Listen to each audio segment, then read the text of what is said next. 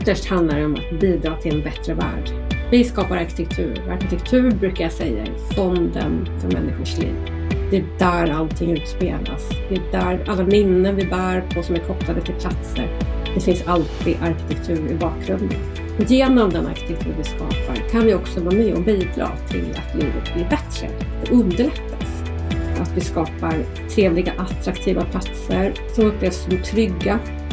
Där människor trivs, vill vara, där vi främjar möten mellan människor och på olika sätt bidrar till ett bra liv.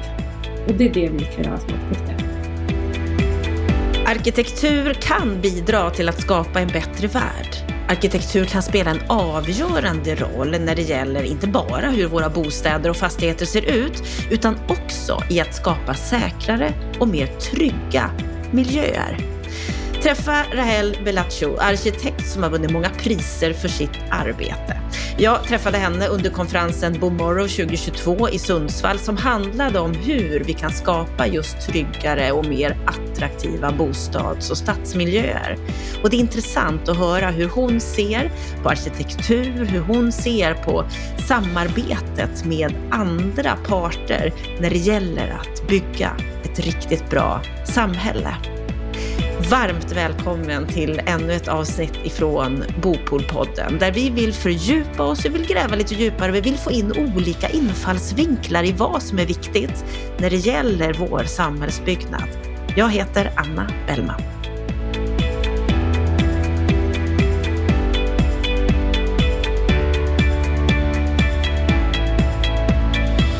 Vilken betydelse har egentligen arkitektur för vårt samhälle och för att bygga ett hållbart samhälle? Det ska vi prata om idag. Och med mig i en så kallad studio, ett rum där vi befinner oss just nu, så har jag Rahel Bellaccio. Varmt välkommen till Bopolpodden. Tack så mycket. Vad är din sinnesstämning idag? Jag har varit ute och vandrat, det har varit lite kallt, eh, men annars känns det bra. Ja, för när det här spelas in, då befinner vi oss i Sundsvall på samma konferens, Bomorrow 2022, där vi har fokuserat på social hållbarhet. Och vi ska återkomma till de frågorna, men först är jag lite nyfiken på dig, Rahel. Du har ju utsetts till årets arkitekt och ditt bolag, Bellaccio Arkitekter, har fått flera priser och utmärkelser både i Sverige och internationellt. Många som man knappt kan uttala namnet på. Vad betyder alla de här priserna för dig? Det är förstås alltid roligt att få ett pris. Det är ett slags erkännande för det arbete vi gör. Och när det är ett internationellt pris, då är vi ju jämförda med andra arkitekter som jobbar överallt i världen och då är det kanske lite extra roligt. Men det är framförallt ett bevis på att vi gör ett bra arbete och att vi det är sparande och då fortsätter vi på samma spår och blir ännu bättre. Vad är målet med ditt bolag och, och, och det du gör? Så ytterst handlar det om att bidra till en bättre värld. Uh, vi skapar arkitektur. Arkitektur brukar jag säga är fonden för människors liv. Det är där allting utspelas. Det, det är där alla minnen vi bär på som är kopplade till platser. Det finns alltid arkitektur i bakgrunden. Så det vi skapar som är en byggmiljö, ska fyllas med liv av de människor som flyttar in i en bostad eller har en arbetsplats och är verksamma eh, på en plats. Så ditt arbete, arkitektur, är väldigt nära kopplat med människor och människors liv och människors beteende. Och genom den arkitektur vi skapar kan vi också vara med och bidra till att livet blir bättre, att det underlättas. Eh, att vi skapar trevliga, attraktiva platser eh, som upplevs som trygga där människor uh, trivs, vill vara, där, där, det är, där vi främjar möten mellan människor uh, och på olika sätt bidrar till ett bra liv. Uh, och det är det vi kan göra som arkitekter. Och jag tänker att ni som arkitekter, ni är med tidigt i skeden alltid och, och märker du den här skillnaden som ni skapar? Alltså vi, det är ju långa processer det ska man komma ihåg. Det tar tid att bygga, det tar tid att utveckla stadsdelar. Men det, det som är roligt med att, att vara arkitekt och jobba som vi gör, det är att vi kommer in väldigt tidigt och liksom, vi är ofta först på plats och behöver ju också ta hänsyn till väldigt många olika parametrar. Det är först och främst själva platsen. Var är vi någonstans? Var i världen är vi? Var är vi geografiskt? Eh, vad finns det för förhållanden kopplat till väder och vind? Eh, hur ser liksom, markterrängen ut? Är, det plant? Är, det kuperat? Eh, och sen har vi alla olika parter som är berörda. Det är någon som har anbett oss att göra ett jobb, som anlitar oss, det finns en uppdragsgivare. Det finns de som ska nyttja platsen, som kanske inte är på plats förrän om fem år eller sju år eller ännu längre. Eh, och de, de har vi inte träffat. Där behöver vi liksom tänka framåt och föreställa oss vem kan det vara. Och sen har vi ett regelverk som vi ska ta hänsyn till. Det finns en historik eh, på platsen, det finns kultur eh, och det finns en kommun som också har ett önskemål. Så det är väldigt mycket att man behöver vara generalist och förstå de här olika parametrarna, de olika aspekterna som varje part liksom värnar och försöka få ihop det till en helhet. Samtidigt som det också är arkitektur, är också, det är en konstform. Det behöver gestaltas, även om det inte går att likställa med konst, så är det ändå, det finns en väldigt viktig konstnärlig del i, i arkitekturen eh, som är dess gestaltning eh, och den är minst lika viktig. Och sen sist men inte minst, eh, vi behöver också värna klimatet och skapa byggnader och stadsdelar eh, som inte är en belastning eh, för planeten utan som tvärtom är med och bidrar till att minska utsläppen. Eh, projekt som i högre grad bidrar med egen energi, som producerar egen energi eh, och ger tillbaka mer än de förbrukar. Det är en, en, en kanske den viktigaste uppgiften vi har som arkitekter och planerare och hur bra är ni på det då, tycker du? Jag tror att viljan finns eh, hos alla parter. Eh, men kunskapen är ju inte så stor ännu. Eh, det här är ju ändå relativt sett ganska nytt, även om vi är väl medvetna om klimatproblemen. Eh, FN firar ju i juni, så firar FN 50 år sedan det första klimatmötet som faktiskt hölls i Stockholm. Så det kommer ju eh, hända, finnas mycket evenemang kring det. Så att, vi har vetat om det länge men utvecklingen har ju också gått väldigt fort de sista åren. Det blir sämre och sämre, det blir inte bättre. Så vi behöver också lära oss eh, tillsammans att hitta lösningar som på allvar gör stor nytta, gör stor skillnad. Och, och det, vi, vi har ju inte lösningarna utan vi behöver hitta sätt att göra det. Uh, naturligtvis i samverkan. Uh, arkitekter, fastighetsutvecklare, lagstiftare. Hur bra är den där samverkan, det här samarbetet mellan alla olika parter tycker du? Samverkan är alltid komplicerat därför att det är, det är per definition olika parter som har liksom egna intressesfären som man värnar.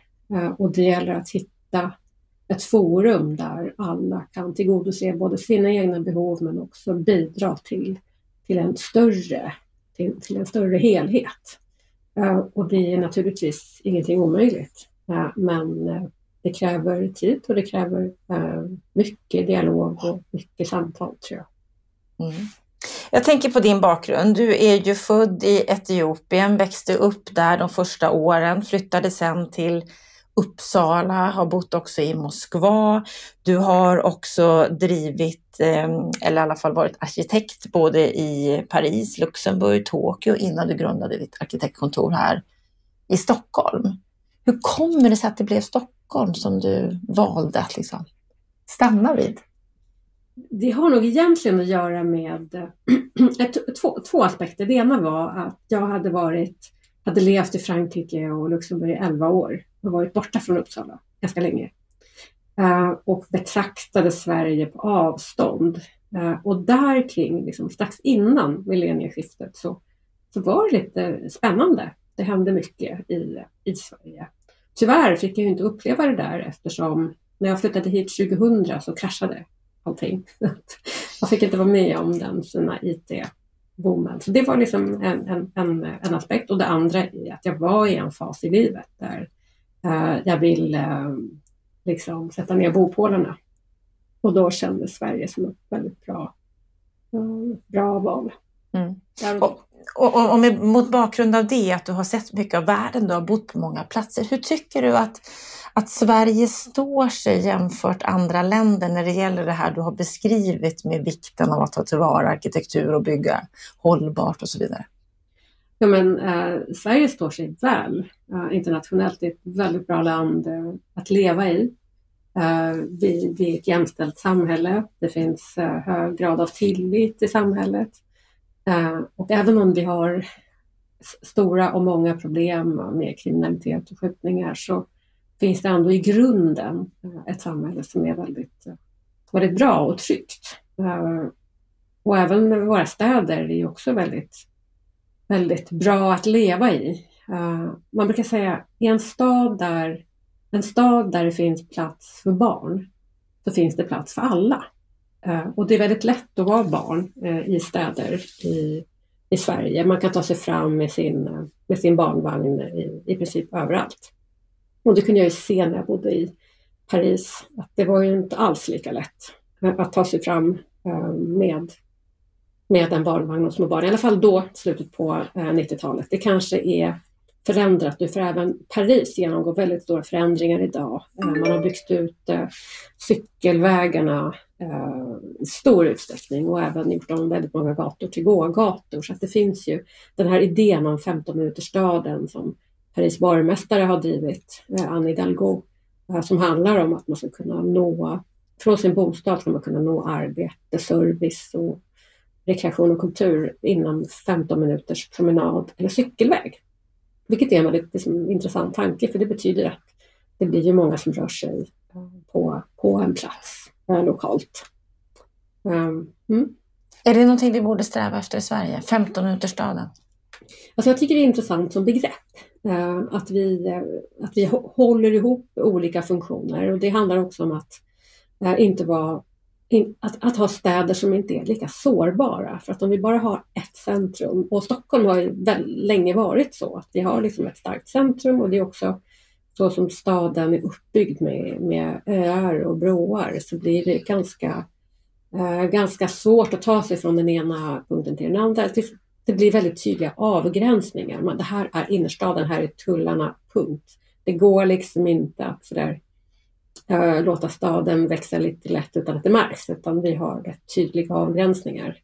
Äh, och vi, hela tunnelbanenätet bygger också på att vi har ett centrum och det är T-centralen och alla tunnelbanelinjer åker in till T-centralen och sen så åker de ut därifrån. Så det är väldigt centrerat kring, kring centrum och, och det är också där väldigt mycket av liksom, kulturen finns, eh, handeln eh, och, och det, det, är klart att då blir ju en, ett sånt centrum blir ju lite sårbart. Och att om det inte funkar som det inte gjorde under pandemin, då, då blir det ingenting kvar där.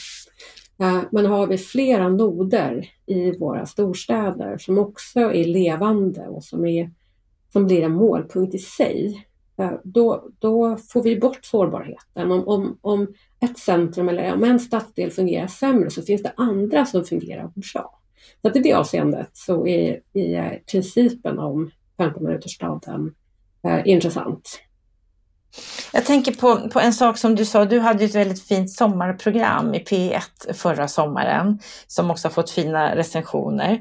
Och då sa du bland annat så här att arkitektur utgör fonden för människors liv och arkitektur och stadsutveckling kan möta en förändrad livsstil. Att arkitektur är en angelägenhet för alla. Är det? Vi är alla omgivna av arkitektur. Vi, eh, vad vi än är i vår, i vår byggda miljö. Vi har en bostad, det är arkitektur. Vi har ett kontor, det är arkitektur. Vi har ett torg, det är också arkitektur. Och vi har eh, kontor och handel. Så att arkitektur är ju egentligen det är svårt att komma förbi. Eh, vi, vi har det omkring oss vare sig vi vill eller inte. Och syftet med arkitektur är ju att, att stödja människors liv, människors vardag, men också eh, rekreation och andra tider på dygnet, eh, andra, olika tider på året och olika tider i livet. Eh, så att arkitektur berör alla i högsta grad. Sen är det inte så att alla går omkring och tänker arkitektur. Eh, och ett av, eh, en av de saker jag vill uppnå med att, mitt sommarprat var just att väcka lite intresse också hos dem som inte känner sig berörda av arkitektur, som inte brukar läsa den typen av press eller inte deltar i, i debatter, att visa att arkitektur är, det är viktigt. Det är viktigt för oss alla. Och då menar jag arkitektur bortom den här diskussionen om en fasad. Om nu den ska vara i klassisk stil eller om den ska vara i betong eller puts. Det, det är liksom en fråga om yta. Arkitektur handlar om vad, vad är det för rum vi skapar? Vad finns det bakom fasaden? Eh, vad bidrar eh, byggnaden med? Hur, hur är den framställd? Kan vi berätta var materialen kommer ifrån? Vad har de för belastning på miljön? Hur uppvärms eh, våra hus? Ehm, hur bidrar de till bättre klimat? Det är de frågorna som är viktiga inom arkitektur och ytterst då fonden för våra liv. Hur kan den här arkitekturen stödja mig som bor i eller kring den här byggnaden till att ha ett bättre liv? Ja, men det här är superintressant för, för det förs också en liten strid idag och har gjort några år när det gäller det här med hur vi ska se på arkitektur. Det arkitekturupproret kontra då kanske Sveriges arkitekter. Alltså det delar ju in Sverige i två läger hur vi borde se på arkitektur. Exempelvis då bostadsrätt Viva i Göteborg som både blev vinnare av Kasper Kalkon som ju arkitekturupproret delar ut, vart de vinnare av 2020 och sen året efter så vann de ju då årets arkitekturpris från Sveriges arkitekter. Alltså samma byggnad blev både den bästa byggnaden och den fulaste. Alltså hur ser du på den här kampen som förs? Ska man se positivt på det så är det ju att arkitektur debatteras. Det har ju inte gjorts på väldigt länge. Det tycker jag är bra. Det finns en diskussion om arkitektur. Eh, däremot så är ju återigen eh, frågan om stil och fasad är inte det jag skulle sätta i främsta rummet utan då ska vi diskutera kvalitet i bemärkelsen vad är det byggt av? Hur länge kommer det här huset att hålla? Inte om det är stuckatur på fasaden eller inte. Eh, och det finns ju all anledning att prata om kvaliteten på det som byggs. Allt är verkligen inte bra. Eh, det finns eh, mycket projekt som är, eh, som är gjort eh, utan omsorg, som har väldigt torftig arkitektur, det är ganska monotona hus, det är storskaligt. Och det är ju byggnader som inte bidrar med så mycket varken till de som ska bo på insidan eller till stadsmiljön som är utanför. Där finns det ju all anledning att vara kritisk mot det som byggs idag. Så att bara för att det är samtida arkitektur så betyder det inte att det är bra arkitektur. Och eh, det är inte alltid det finns arkitekter inblandade heller i projekten, ska man komma ihåg. Det är väldigt mycket som byggs som kommer direkt från fabrik.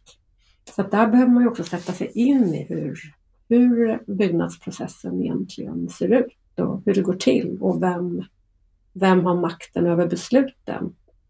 Och den som har makten över besluten är ju den som sitter på pengarna, det vill säga fastighetsutvecklaren. Väldigt sällan arkitekten som har sista ordet. Är det lite bittert eller? uh, arkitekten skulle jag gärna se uh, tog större plats. Uh, för arkitekter är ju otroligt måna om kvaliteten på det de gör. Det är, vi lägger ner vår själ i våra projekt. Eh, men det är inte alltid det finns eh, utrymme för det. Mm. Hur viktig är då arkitektur om man ska tänka som en hållbar stadsutveckling? Vi ska bygga ett, ett samhälle där, där alla människor ska få möjlighet att bo. Det finns ju många utmaningar som vi har i vår stadsutveckling, i vår boendeutveckling. Så är det. Och det är inte så att arkitekter kan lösa alla, alla problem. Eh, men arkitekturen kan ju bidra eh, genom att skapa strukturer som, som är öppna, eh, planera platser och tänka på hur byggnaden möter gatan. Vad händer på bottenvåningen? Föreställa sig hur en plats ser ut på kvällen. Genom att placera entréer, förstå hur flödena kommer att se ut. Vem rör sig på den här platsen? Så att med arkitekturen kan vi ju vi kan rikta hur man rör sig på en plats eh, och vi kan också eh, välja utifrån hur vi, hur vi sätter fönster och entréer, eh, vad det blir för relation mellan inne och ute på, gatunivån, i entréplanet. Den typen av åtgärder gör ju väldigt mycket med hur, hur gatan till slut upplevs. Och gatan är ju den som alla passerar, vare sig de, man behöver inte bo i det här huset i, specifikt, utan det är ju ett stråk som väldigt många människor eh, kanske passerar. Och då kan vi bidra till att den platsen upplevs som mer eller mindre trygg beroende på vilka val man gör. Så på det sättet så kan vi ju eh, hjälpa till. Eh, I övrigt tror jag att alla aktörer eh, inom samhällsbyggnad gemensamt måste titta på hur, hur, eh, hur ser vi till att skapa mindre ensidiga stadsdelar? Hur kan vi blanda olika typer av hushåll? Och det gör man ju dels genom att blanda upplåtelseformer. Man kan eh, kombinera bostadsrätter med hyresrätter och äganderätter. Uh, sen kan man se hur, hur, man placerar, eh, hur man planerar bostäderna. Har man allt för många små lägenheter då får man ju en viss typ av hushåll. Det kanske är unga vuxna eller äldre. Så att om man ser till att skapa en blandning där det finns möjliga bostäder som också familjer eh, kan vilja flytta in i, då får man ju in familjerna samtidigt som man kan ha små lägenheter där ungdomarna eller äldre eh, kommer in. Och på det viset kan man skapa lite större, lite större bredd i eh, typer av hushåll. Och sen handlar det också om att i en stadsdel inte bara fokusera på bostäderna utan också se hur kan vi skapa förutsättningar för verksamheter. Kan vi ordna så att kontor eh, också kan flytta in? Och det händer väldigt mycket inom kontor idag. Efter våra erfarenheter av pandemin så kommer vi högst sannolikt att gå mot ett ganska flexibelt arbetsliv.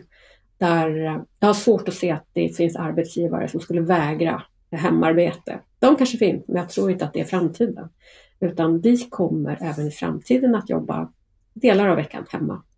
Och det innebär att det kommer att uppstå behov av olika typer av coworking-enheter som ligger insprängda i bostadsområden. Och det är jättebra, för det skapar dynamik. Jag tycker det här är, det är så otroligt spännande när man tänker på, på just arkitekturen och hur vi kan forma framtidens liksom, boendemiljöer. Och vi pratar ju mycket om det här med att vi inte har tillräckligt många bostäder och att eh, människor inte har möjlighet att bo. Och så hörde jag om att ett, ett, projekt som du var involverad i där du fick möjlighet att titta på tre olika små projekt eller lägenheter för att kolla på hur kan man göra dem bättre och mer effektiva? Hur kan man utnyttja ytorna bättre? Och, och vad tänker du där? Har vi mycket kvar där för att utnyttja de bostäder som redan finns? För att ännu fler ska få plats att bo? Ja, definitivt. Det ska ju naturligtvis inte finnas eh, byggnader som står tomma. Det är ett slöseri med resurser. Utan när vi har ytor som inte används så måste vi hitta strategier för att få dem att, att användas mycket mer. Eh, det gäller framförallt kontor som eh, även innan pandemin användes ungefär 30 procent av tiden. Och då behöver vi titta hur kan vi göra, hur kan andra målgrupper använda kontoren Eh, till exempel eh, verksamheter kvällstid som är utanför arbetstiden. Eh, man kan se lika, liknande situation med skolor. Väldigt stora byggnader som står tomma på loven, på helgerna och så vidare. Och det andra med att nyttja våra byggnader mer effektivt, det är ju att när vi, när vi planerar idag så ska vi också planera en struktur som är robust och flexibel. För att vi bygger för framtiden Eh, och är det något vi vet om framtiden så är det att vi inget vet. Utan vi måste ju försöka skapa förutsättningar som är tillräckligt generella för att de som kommer efter oss och har andra behov lätt ska kunna anpassa sig. Eh, och ett projekt som vi håller på med nu i Norrköping i inre hamnen handlar just om att skapa flexibla lägenheter. Och det här är hyresrätter. Så det är en väldigt modig Eh, beställare som har eh, gått vidare med att testa eh, nya lösningar. Och det är också en del, vill jag poängtera, en del av lösningen att för att innovera, för att komma med nya lösningar för framtiden, så behövs det ju mod att våga testa någonting som man aldrig har gjort tidigare. Men i de här flexibla lägenheterna så har vi jobbat med strukturen och förutsättningen på ett sätt som gör att man ganska lätt kan gå från fyra små rum till två, eller tvärtom, från två stora rum till fyra, eller två plus ett. Eh, ett stort och ett litet eller två jämnstora. Det finns en, en bredd i flexibilitet vilket gör att den lägenheten kan funka för väldigt många olika hushåll. Man kan bo som familj, men man, man kan också bo som vänner. Och man kan bo med varannan veckas barn där man har behov av fler eh, rum ena veckan, men kanske inte. Är det här framtiden? Jag tror det. Jag tror att vi måste tänka eh, flexibelt och försöka eh, också öppna upp för eh, att låta de som flyttar in själva bestämma hur de vill ha det. Hur stort kan den här typen av koncept bli tror du? Det finns ju projekt som är realiserade i världen och som fungerar bra. Så jag tror att det eh, vi behöver ju bygga, testa och se hur det faller ut. Mm. Det är enda sättet. Du och jag, vi möts just nu i Sundsvall, Bomorrow, där fokus har varit på social hållbarhet. Hur ska vi bygga trygga och attraktiva bostadsområden. Det är många idag som känner oro, som känner en otrygghet, som inte vill vara ute sent på kvällen för man känner sig inte trygg där man bor. Vad tror du är det viktiga för att vi ska skapa trygga och socialt hållbara boende och stadsmiljöer? Jag tror en nyckel är ju att känna sig trygg i sin närmiljö, i sitt bostadsområde.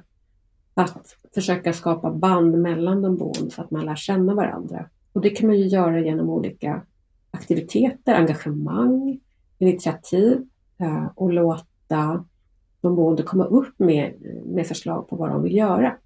Det finns exempel eh, på olika städer i världen, exempelvis Berlin, där man låter hela parker tas om hand av de boende i, i närområdet eftersom det fanns en efterfrågan. Och då skapas det ett engagemang och man känner liksom tillhörighet till platsen. Eh, och det i sig kommer att skapa trygghet när man känner tillhörighet till platsen och man lär känna varandra, sina grannar. Eh, då är man ju inte ensam. Eh, sen är det ju alltid bra att hitta, dels fortsätta utveckla eh, flexibelt så att vi har eh, olika typer av verksamheter. Alltså man blandar bostäder och verksamheter så att det finns människor som rör sig på en plats, både dagtid och kvällstid och helger. Det skapar trygghet i sig. Sen är det bra om fler generationer kan vara ute i staden samtidigt. Så att det inte bara blir en kategori eh, som rör sig. Till exempel att det inte bara är ungdomar som är ute på kvällen utan att det finns också anledningar för äldre eh, eller medelålders för den delen, att vilja gå ut och röra sig i en, i en stadsdel. Att det handlar om att locka ur människor ut ur husen? Ja, det måste finnas en anledning att vilja gå ut. Uh, och då behöver man skapa målpunkter och aktiviteter. Mm. Och där uh, är kultur till exempel någonting man kan ta hjälp av. Och kultur, eh, kulturutövare är ständigt på jakt efter lokaler de behöver ofta inte jättestora lokaler men kan göra underverk eh, med en plats genom sin blotta närvaro och, och sin energi och sin eh, kreativitet. Vi pratar ju mycket bostadspolitik i den här podden. Vi vill att politikerna ska engagera sig mer när det gäller vår samhällsutveckling. Vad skulle du önska dig ifrån det politiska hållet? Ja, idag lyssnade vi på vår bostadsminister eh, och han pratade om arkitektur och hållbarhet. Eh, och det gjorde mig väldigt glad, för det är inte så ofta som politiker ens nämner arkitektur. Så det är bra, det är en bra början. Eh, och arkitektur tillsammans med hållbarhet, att vi satsar på, på bra arkitektur som, som är robust och som är, där det finns kvalitet i både rum och material. Eh, samtidigt som vi eh, som byggnaderna vi skapar bidrar till planeten mer än de förbrukar. Eh, då tror jag vi kommer långt. Och politiken, framförallt offentliga beställare, tycker jag ska visa vägen genom att skapa exemplariska projekt inom både arkitektur och hållbarhet och våga ta den risk som ibland krävs för att testa nya lösningar som ingen annan har gjort. Det skulle jag vilja se mer av. Så lite mer mod helt enkelt? Ja, mod, innovation. Innovation kräver mod. Mm ett bra slut, tänker jag, på det här samtalet. Stort tack för att jag fick samtala med dig här i Bopolpodden. Tack Anna.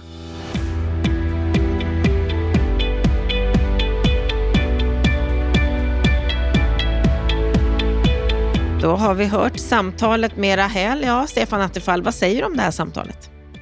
Jag tycker det är ett intressant samtal. Tycker du hon lyckas på ett bra sätt beskriva arkitekturens och arkitektens roll.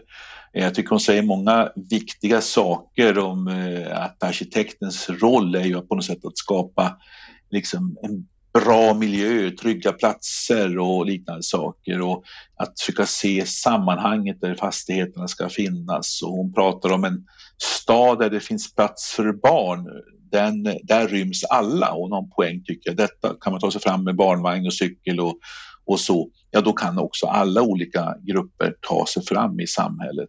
Eh, och pedagogiskt också förklara vilken viktig roll som arkitekten har och eh, vilken viktig funktion det är att eh, ha eh, ska säga, bra arkitekter men också god arkitektur för att skapa ett bra och levande och, och ett ska säga, attraktivt samhälle. Vi var ju inne på bland annat det här med 15 minuters staden, vikten av att ha närhet till saker och ting. Vad, vad, vad tycker du om hennes resonemang här? Jo, men det är klart att 15 minuter som hon själv är inne på i Stockholm, det kanske inte är realistiskt, men tankesättet att man ska försöka hålla ihop de här olika funktionerna, eh, arbete, bostad och eh, kultur och eh, service och kommersiell och offentlig service, den delar jag. Jag tycker att hon har helt rätt där och jämför det med hur vi byggde miljonprogramsområdena där man skulle sova och möjligtvis ha lite närservice, sen skulle man åka in till staden och arbeta eller åka ut till industrier och arbeta. Alltså det, har ju, det skapade en struktur som vi lider av fortfarande. Och jag tror också att skapa mycket mer integrerade miljöer mellan arbete, bostad, kultur, nöje, restauranger etc. Det tror jag är riktigt och som hon själv säger att det blir en ganska sårbar stad om alla ska in till samma punkt. En enkel sak som att om tunnelbanan trasslar till det, då är liksom hela det drabbade hela, hela systemet på något sätt. Va? Eh, men också att eh, du får en, en, annan typ av struktur i en stad som har fler ska säga, bärpunkter. Så jag tycker att i större städer så tycker jag har ett resonemang som är mycket intressant och jag tror att lärdomen är att man bygger mycket mer av integrerade miljöer med arbete, bostadsservice i, i, i, i samlat tillsammans. Jag funderar så här, borde vi, vi ta större vikt vid arkitektens roll när vi tänker samhällsutveckling? Ja, i meningen att eh, de ska vara med tidigt i processerna, jag tror jag är viktigt. Att man ska lyssna in, men också arkitekten måste då också ta ett större ansvar för, ska vi säga helhet, alltså det att det, eh, eh hon pratar mycket om hållbarhet, hon pratar mycket om klimatfrågorna. Helt rätt, viktiga saker. Men som ganska ofta så glömmer, tycker jag, arkitektkåren upp att, bort att hållbarhet handlar både om ekonomi, social hållbarhet och miljömässig hållbarhet. Och, och kan arkitekten spela en ännu större roll än idag för att få ihop de här tre helheterna? Då tror jag att arkitekterna kan spela en ännu större roll. För det är ofta där problemet sitter. Om man betonar exempelvis gestaltning eller, eller miljö och klimatfrågor ensidigt och glömmer bort att det här ska också bli prisvärda och vettiga bostäder. Ja, då kommer man ju ofta i konflikt med kanske en fastighetsutvecklare och så blir det onödiga slitningar. Men, eh, men att få in de här aspekterna på ett tidigt stadium och där kanske många fastighetsutvecklare är dåliga på att plocka in arkitekten i, redan i det första planeringsstadiet. Eh, för arkitekterna har otvivelaktigt kompetenser och kunskaper som är viktiga att få med. Eh, men hon nämner ju sådana saker som hur man vänder hus, hur man utformar entréer och lokaler för kultur och andra saker bidrar ju till hela miljöer, hur mycket liv det blir och vilka åldersgrupper som är ute och rör sig mellan husen och sådana saker. Så jag, jag tror att arkitekten spelar en viktig roll men vi måste också få in mycket mer av social hållbarhet i tänkandet. Inte bara tryggheten på gator och torg utan också eh, hur man eh, exempelvis får ner produktionskostnaden hon pratar om de här serietillverkade husen och sådana saker. Men däremot kan ju arkitekten spela en ännu större roll idag för att bidra till att även de blir ska säga, ett bidrag till en varierad stad och så. Och vi har ju som sagt har sett många exempel på där arkitekterna har spelat kanske en negativ roll. Jag tänker mycket om miljonprogramshusernas utformning och kanske framförallt mängden av de husen på samma ställe har ju skapat miljöer som idag brottas med, tycker inte alls är så attraktiva. Så att arkitekten är viktig, arkitekten kan spela en stor roll, men de måste också eh, försöka bidra till att förstå alla sidorna av de utmaningar man står inför och inte bara fokusera på en del, exempelvis utformningen av husen, gestaltningen av husen som det ofta blir en stark fokusering kring. Och vad borde de då göra annorlunda än vad de gör idag? Ja, alltså få in det här med ska säga, kostnadsaspekterna, hitta smarta ekonomiska lösningar som både skapar bra arkitektur och är kostnadseffektivt. Var ännu bättre på att delta i den diskussionen. Det tror jag är en, en viktig sak och att man just rör sig över hela det här fältet. Och det, det är svårt, det här är inte lätta saker. Men det är där man kan spela en större roll. Jag tror att många arkitekter som utvecklar de här sidorna har en god chans att också bli framgångsrika arkitekter. Men eh, det finns eh, ju ett annat dike och det är när man börjar tycka att arkitekter bara är ett problem och det är farlig utveckling. Utan tvärtom, arkitekten ska vara med, arkitekten ska vara med på ett tidigt stadium i diskussionen, det är min bestämda övertygelse. Men de måste också bidra till att tänka i de här olika helhetsaspekterna för att de också ska kunna bli konstruktiva partners i hela kedjan av att utveckla exempelvis nya bostäder, nya bostadsområden. Och jag tänker att det är alla arkitekters dröm att få vara med tidigt i processen så vi får se om det kan gå åt det hållet. Stort tack Stefan, stort tack till dig som har lyssnat på Bopolpodden den här måndagen, om det nu är måndag som du lyssnar på det här programmet, i alla fall då som det sänds. Vi har en härlig vecka framför oss och på fredag så hör du oss igen i veckans Aktuellt. Då samlar vi det senaste, det bästa som har skrivits i media under veckan och gör en sammanfattning och en analys av det. Så lyssna gärna in på fredag. Fram tills dess, ha en riktigt trevlig helg. Eller vecka är det ju fram tills dess. Må så gott.